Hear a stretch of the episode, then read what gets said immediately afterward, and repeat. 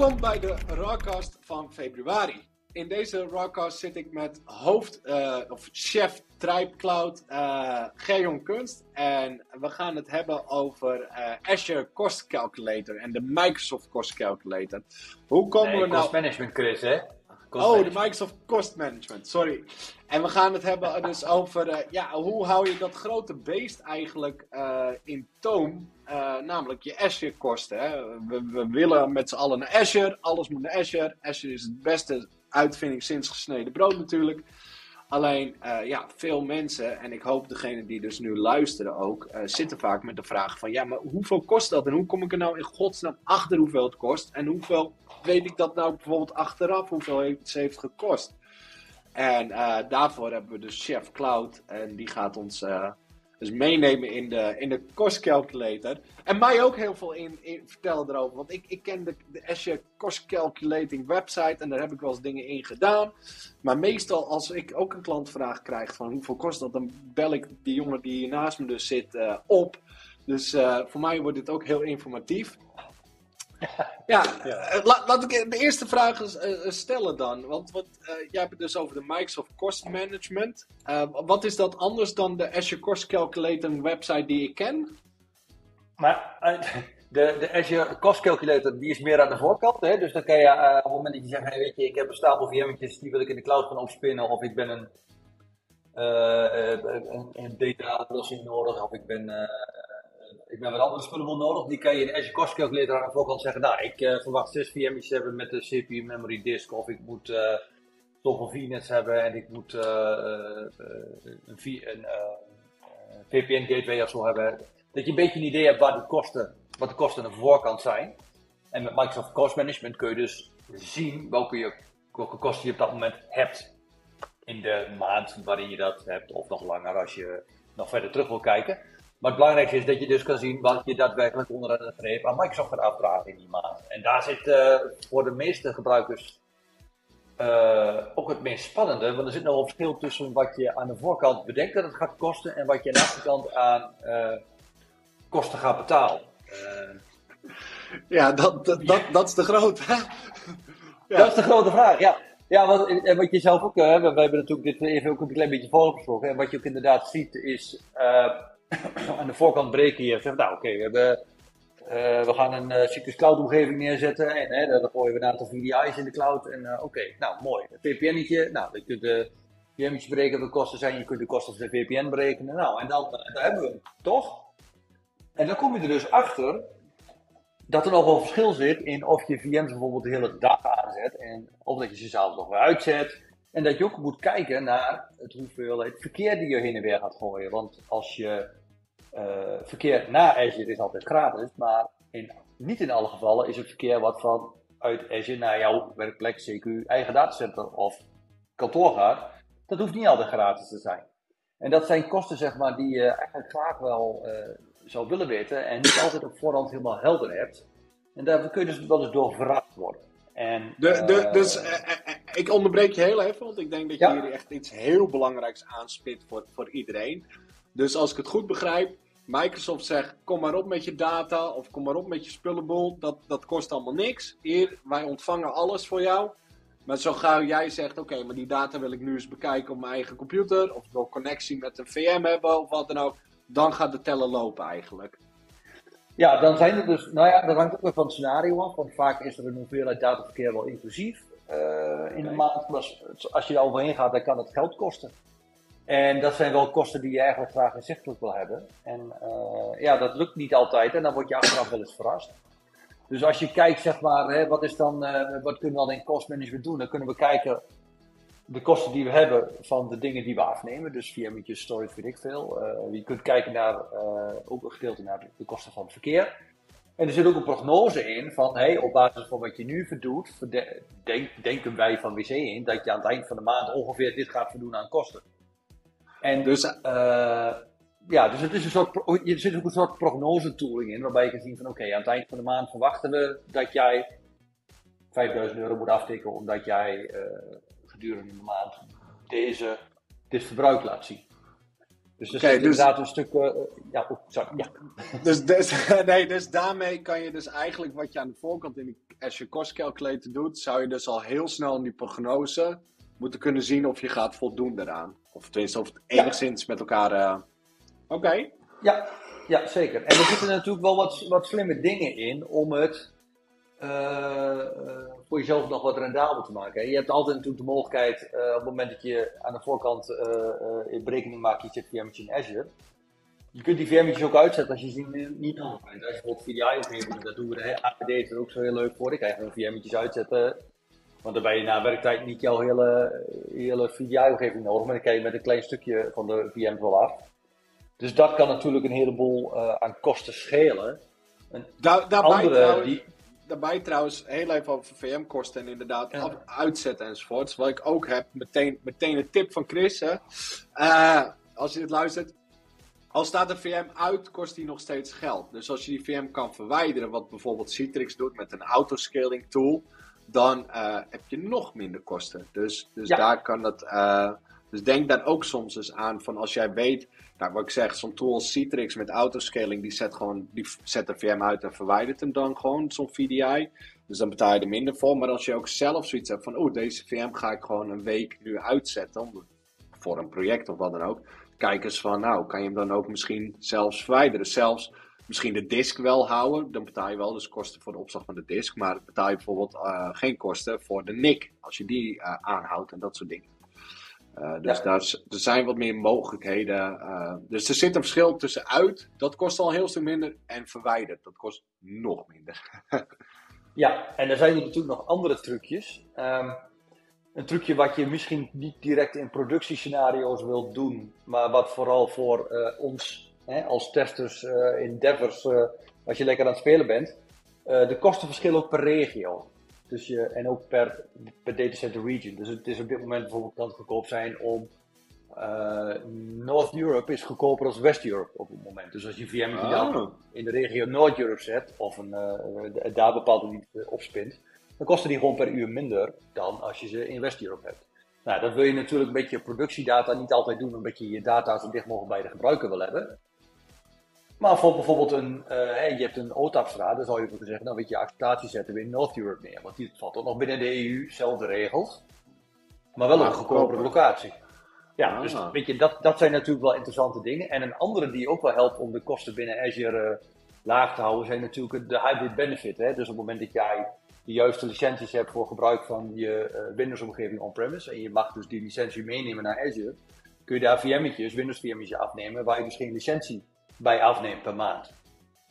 Nou, als je dat gaat doen, geldt ook bijvoorbeeld voor SQL en nog wat andere diensten, kun je natuurlijk ook uh, wat euro's besparen. Want hè, normaal als je een VM'tje opspint, dan moet je daar een uh, Windows licentie bij afnemen. Maar als je die al hebt, kun je zeggen, nee, hoeft niet, ik heb al een Windows licentie.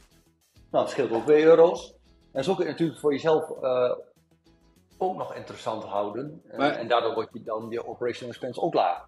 En volgens mij bij VM's kan je ook iets doen met reserveringen, toch? Of met veel dingen op Azure. Ja, ja, ja. Eh, wat, je bijvoorbeeld, wat we bijvoorbeeld bij klanten vaak doen, als ze domeincontrollers hebben, die gaan naar de cloud tool. Uh, uiteindelijk wil je domeincontrollers natuurlijk liefst uitfaseren en met Azure domain services gaan werken en dat soort dingen.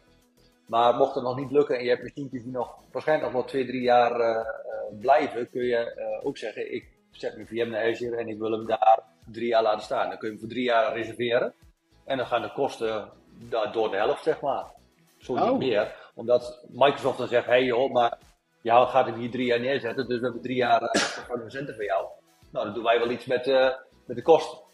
Dus het is uh, een soort handjeklap. Maar je, dat noemen ze reserved instances. En dat kan inderdaad ook nog wel wat centen schelen. Dus stel je zou een VM'tje daar drie jaar neerzetten en je hebt zelf een licentie. En je doet een drie jaar, je reserveert hem voor drie jaar en je zet hem op een locatie neer die wat goedkoper is, nou ja, dan kan het interessant worden. Dus dat zijn wel dingen die je ook in je, in je business case mee kan nemen. Dat zijn wel allemaal hele goede tips. En dat kan je ook al in die Azure Cost Calculator aan de voorkant dus doen. Ja. En dan kun je dus daarna toetsen of het dus klopt in de, in de Microsoft Cost Manager. Maar wat kan die Cost Manager nog meer? Ik heb wel eens gezien, er zit iets van cost analyses in, alerts, budgets. Ja, ja, ja. Nou ja de, de gemiddelde uh, finance man kan zich hier helemaal uitleven. Uh, Ik ben, ik ben van techniek, niet van centen. Maar uh, de, de, de, mensen die over de centen gaan, die vinden dat fantastisch. Nee, je kunt inderdaad ja, je kunt een analyse doen over de kosten. Daarbij kun je opsplitsen van, nou weet je, je hebt in Azure een aantal subscriptions. Per subscription kan je zeggen, nou weet je, dit zijn de kosten voor VM's, voor storage, voor NICs, public IP's,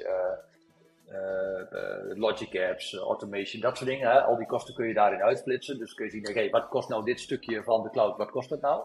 Het is ook wel handig dat je dat ook op basis van wat resource groups uit kan splitsen, zodat je toch nog wel makkelijk kan invoicen naar verschillende afdelingen, mocht je dat willen. Je kunt een cost alerts aangeven, waarbij je zegt, nou weet je, als deze subscription boven de 5k komt, dan wil ik graag een mailtje hebben, want dan heeft iemand ergens wat aandacht staan, of heeft iemand enorm veel VM's of enorm veel storage in één keer gebruikt. En wil ik graag een alert hebben, want dan kan ik daar nog even op ingrijpen. Dus dan krijg je netjes een mailtje van, joh, weet je, jouw uh, subscription zit boven de spending limit. En je kan zelf zeggen, nou weet je, als het boven de spending limit is, dan zet hem maar uit. Of disable hem maar, als je dat in theorie oh. wil willen. Maar dat is wel een tikje spannend. Ja, lijkt me heel spannend in productie. Dat alles even uitgaat, omdat je boven de limit bent gekomen. Maar, ja, en, en, de mensen die, uh, die zo'n uh, MSDN of Visual Studio Enterprise licentie hebben, daarmee krijg je als Microsoft Professional bepaalt te goed elke maand in de Azure-omgeving. Die hebben er wel vast wel ervaring mee dat op een gegeven moment als het te goed op is, net als vroeger met je mobieltje, belt te goed op, tuut, tuut, was het afgelopen. Nou, dat, dat, dat soort dingen kan je, in, kan je instellen. En uh, ja, weet je, dat, dat zijn allemaal dingen om te zorgen dat je de kosten in, in de greep houdt. En uh, dus ja, kosten, heel veel, uh, ja. kosten in de greep houden. Ik heb volgens mij ook wel eens in die cost manager gezien iets van advisory recommendations. Dus dat hij jezelf al gaat sturen richting bepaalde dingen. Of ja, dat klopt. Uh, dus, ja, dat is ook wel super handig. Hè? Dan, dan kijkt hij naar of je bepaalde dingen slimmer zou kunnen doen. Hè? Dus stel jij hebt een VM'tje in Azure draaien en er zitten 8 cores in, 64 gig en weet ik wat allemaal. En uh, als je, uh, de, de, dus die, uh, die tooling die zegt van hey, die VM die is over provision, hè, die heeft veel te veel spierballen, dat is niet nodig, dat kan een tandje minder. Dat is ook, is ook weer zo'n handigheidje om te zorgen dat je je omgeving op de optimale requirements instelt die je nodig bent. En dus niet hè, wat kan erin, nee, wat ben je nodig om erop dat die fatsoenlijk draait. Dus ja, dat zijn ook weer van die, ja, van die handigheidjes waar je even rekening mee kan houden. En die kunnen jou gewoon uh, geld schelen. En weet je, en dan is de volgende vraag, ja, wat kan ik dan alles zien natuurlijk in die, uh, in die cost management? Nou, je kan niet alles zien, want waar wij wel bij klanten zien is dat we still resources hebben. Hè? Dan hebben ze bijvoorbeeld resources die doen niks, maar die draaien nog wel. Bijvoorbeeld niks zonder koppelingen. Die zijn nog overgebleven omdat een VM'tje ergens bereikt wordt en er zijn nog wat resources over. Dat zijn dingen die wel geld kosten, maar die hebben niks. Dus het is ook wel goed om even te kijken van, hey, hebben wij nog, want daar zijn hele mooie tools voor bij Microsoft en vanuit uh, Robux hebben we er ook weer iets voor. Dat we kunnen kijken van, hey joh, binnen jouw omgeving heb je still resources, dus resources die niks doen. Bijvoorbeeld een storage account, waar ja. voor de rest geen koppelingen naartoe zijn of niks meer is. Ja, weet je, uh, wat doen we ermee? Uh, kost je elke maand kost je een paar, paar euro, maar ja, elke maand, weet je, 24 maanden keer een paar euro is wel geld. Die paar euro kan je dus wel terugzien in die Microsoft Cost Management. Dus daar kun je erachter je kunt de kosten dat wel terugzien. Ja. Ah, oké. Ja, dus dan kun je wel zien dat je die kosten herleiden. hebt. Ja. Ja, maar dan moet je het herleiden. En je kunt ook met, uh, met een bepaalde tooling kun je uit gaan zoeken van... Hey, heb ik van die resources die niks meer doen? Okay. Uh, uh, heb ik wat koppelingen liggen die, die ik niet meer gebruik? Of, of ja, weet je, en, en, dat, dat zijn allemaal dingetjes die helpen om je, om je kosten in de greep te houden. En waar je wel rekening mee moet houden. Ik heb trouwens nog een quizvraag voor jou. Ja, oh, dat mag. Dat mag. Uh, denk jij dat jij met Microsoft Cost Management ook andere clouds uh, kunt bekijken? Oeh, nou, uh, toevallig weet ik dat Microsoft heel erg graag wil dat jij ook andere clouds via hun gaat regelen. Dus dat je je AWS-subscription als eigenlijk bij Microsoft gaat doen. Dus ik gok dat ze in de, in de Microsoft Cost Management dan ook al nu de AWS-kosten kunnen laten zien. Gok ik. Gok, nou, jij gaat door voor een tosti eigen. Op eigen, op eigen kosten. Maar dat klopt inderdaad. Er zit, een, nee, er zit een koppeling van AWS in. Dus je kunt ook uh, je AWS-subscriptions uh, via, uh, via Microsoft Cost Management in de gaten houden. Dat is natuurlijk wel fijn cool. single pane of class. Ja, ja dat is weet je, als je dan toch de wereld gaat multicloud, dus is het wel leuk dat je in ieder geval vanuit één management pane de hele boel een beetje in de gaten kan houden. En precies, Dus, en wat, eh, wat, wat, wat je net zegt is een hele goeie. Hè? Je noemde het woord even heel snel tussen neus en lippen door multicloud. Maar inderdaad, de toekomst is wel echt multicloud. De toekomst is eigenlijk als bedrijf bijna dagelijks of bijna per uur kunnen schakelen tussen verschillende clouds en resources om de kosten te besparen. Of gewoon sowieso de beste product uit een cloud pakken. Als AWS iets beter doet, pak het op AWS. Als Azure iets beter doet, doe het op Azure. En weet dat slim te combineren. Maar hou die single pane of glass. En dat is echt super, super gaaf.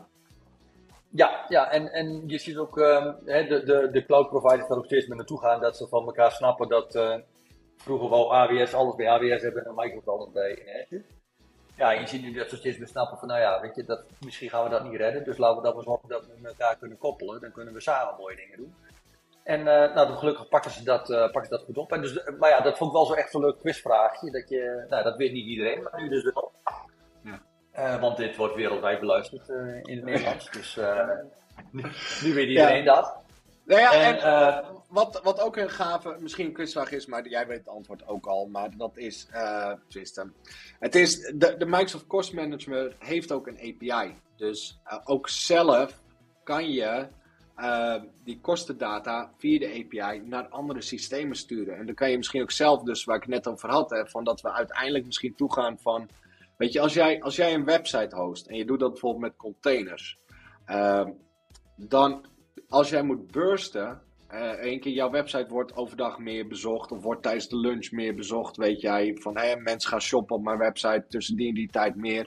Dan kan je voor die burst, kan je gewoon gaan kijken van, oh, wij, het zijn Kubernetes of wat dan ook, eh, dingetjes. Ga ik die, die, die containers, die pods, opspinnen in Azure of in AWS? Nou, je kan dus met zo'n API van de Cost Manager, eh, kan je dus kijken van waar is op dit moment het goedkoper om te doen als ik zoveel mensen aan moet. Want dat kan ook zijn, hè? als jij duizend mensen op je website moet hebben, kan het goedkoper zijn in Azure. Maar als zijn het er net 1200, is het een extra drukke dag. Dan kun je misschien qua schaling, kom je misschien beter uit op AWS. Nou, als je een API gebruikt om tegen de Azure kosten aan te praten, dan kan je dat soort data ophalen. En dan kan je echt live dit soort schaling issues gaan oplossen. Wat is het goedkoopste? En ik denk dat dat echt super gaaf is. Uh, Ja, en, en, maar dan ga je heel inderdaad, eh. Ja, ja en, en, dan, ga- en dan ga je de cloud gebruiken waar die voor bedoeld is. Er zit natuurlijk er zit nog even, even wel een klein dingetje aan. Hè. Als je kijkt naar Microsoft Cost Management, dat is niet real-time. Dus als je kijkt Nee, naar de het is kosten achteraf. maakt, Ja. dat, en dat wordt drie keer per dag eh, gerefreshed uit mijn hoofd. Dus daar zit ook, ook wat, wat eh, hè. dus die kosten zie je altijd achteraf. Maar het is inderdaad wel mooi dat je kan zien, oké, wel- welke cloud is nu dit het goedkoopst en in welke sizing en hoe kunnen we dat doen. Dat zijn wel leuke, leuke eh, eh, hoe zeg je dat, leuke hackathon dingetjes om uit, uit te puzzelen en te bouwen. Ja, En Ja. wat wij wel vaak doen, wat wij zien bij klanten ook vaker, hè, is, eh we noemen er altijd shiny dashboard, de, de, de kraaltjes en de spiegeltjes hè, voor de managers, want het moet glimmen, het moet glimmen en shinen. Dus dat je ook eh, in Azure eh, tegen Microsoft Cost Management bijvoorbeeld met eh, Power BI aan kan kletsen. En daar hele mooie rapportage uit Ja. kan halen. En dat je gewoon een Power BI koppeling kan maken. Zeg tegen de manager, kijk, dit zijn de subscriptions, dit is de, dit is de OTAP-straat. Dit, doet, dit wordt per onderdeel gedaan, per dag, per week, per maand. Dit zijn de verwachte kosten hè, op basis van, van trending en analyse. Nou, en hebben de managers een mooi dashboardje die ze gewoon kunnen openen en kunnen ze gewoon kijken, nou, hoe staat het vlakbij. En daar is Power BI echt super goed in. Nou, ik heb in ieder geval best wel wat extra's geleerd over eh, de Microsoft Cost eh, Management. En, en we hebben het ook over de Azure Cost Calculator Sheet gehad. Ik hoop dat dit eh, voor als je luistert ook even een leuk kwartiertje even wat, wat verdieping heeft gegeven. Ehm, mocht je luisteren en denken van, oh, ik zou die jongens van Rawworks, dat zijn volgens mij allemaal wel slimme jongens. Dat klopt, die naast mij is echt heel erg slim. Ik zelf eh, wat minder, maar het maakt niet uit. Eh, nee, eh, mocht je zoiets hebben van, ik zou wel eens een, eh, ik heb een onderwerp waarmee ik zit. Ik zou hun input wel eens willen hebben. Dat kan je dan mailen naar rawcast.rawworks.nl en dan nemen we graag jouw onderwerp ook een keertje mee om zo'n video te maken, om gewoon eens even diep in te duiken. Dus weet dat, mail ons met je ideeën. En voor nu wil ik Geon heel erg bedanken voor, voor deze. Nou ja, het ligt eraan wanneer je terugluistert, maar voor ons was het een late avond. Eh, en heel erg informatief. Dus super bedankt en eh, tot de volgende.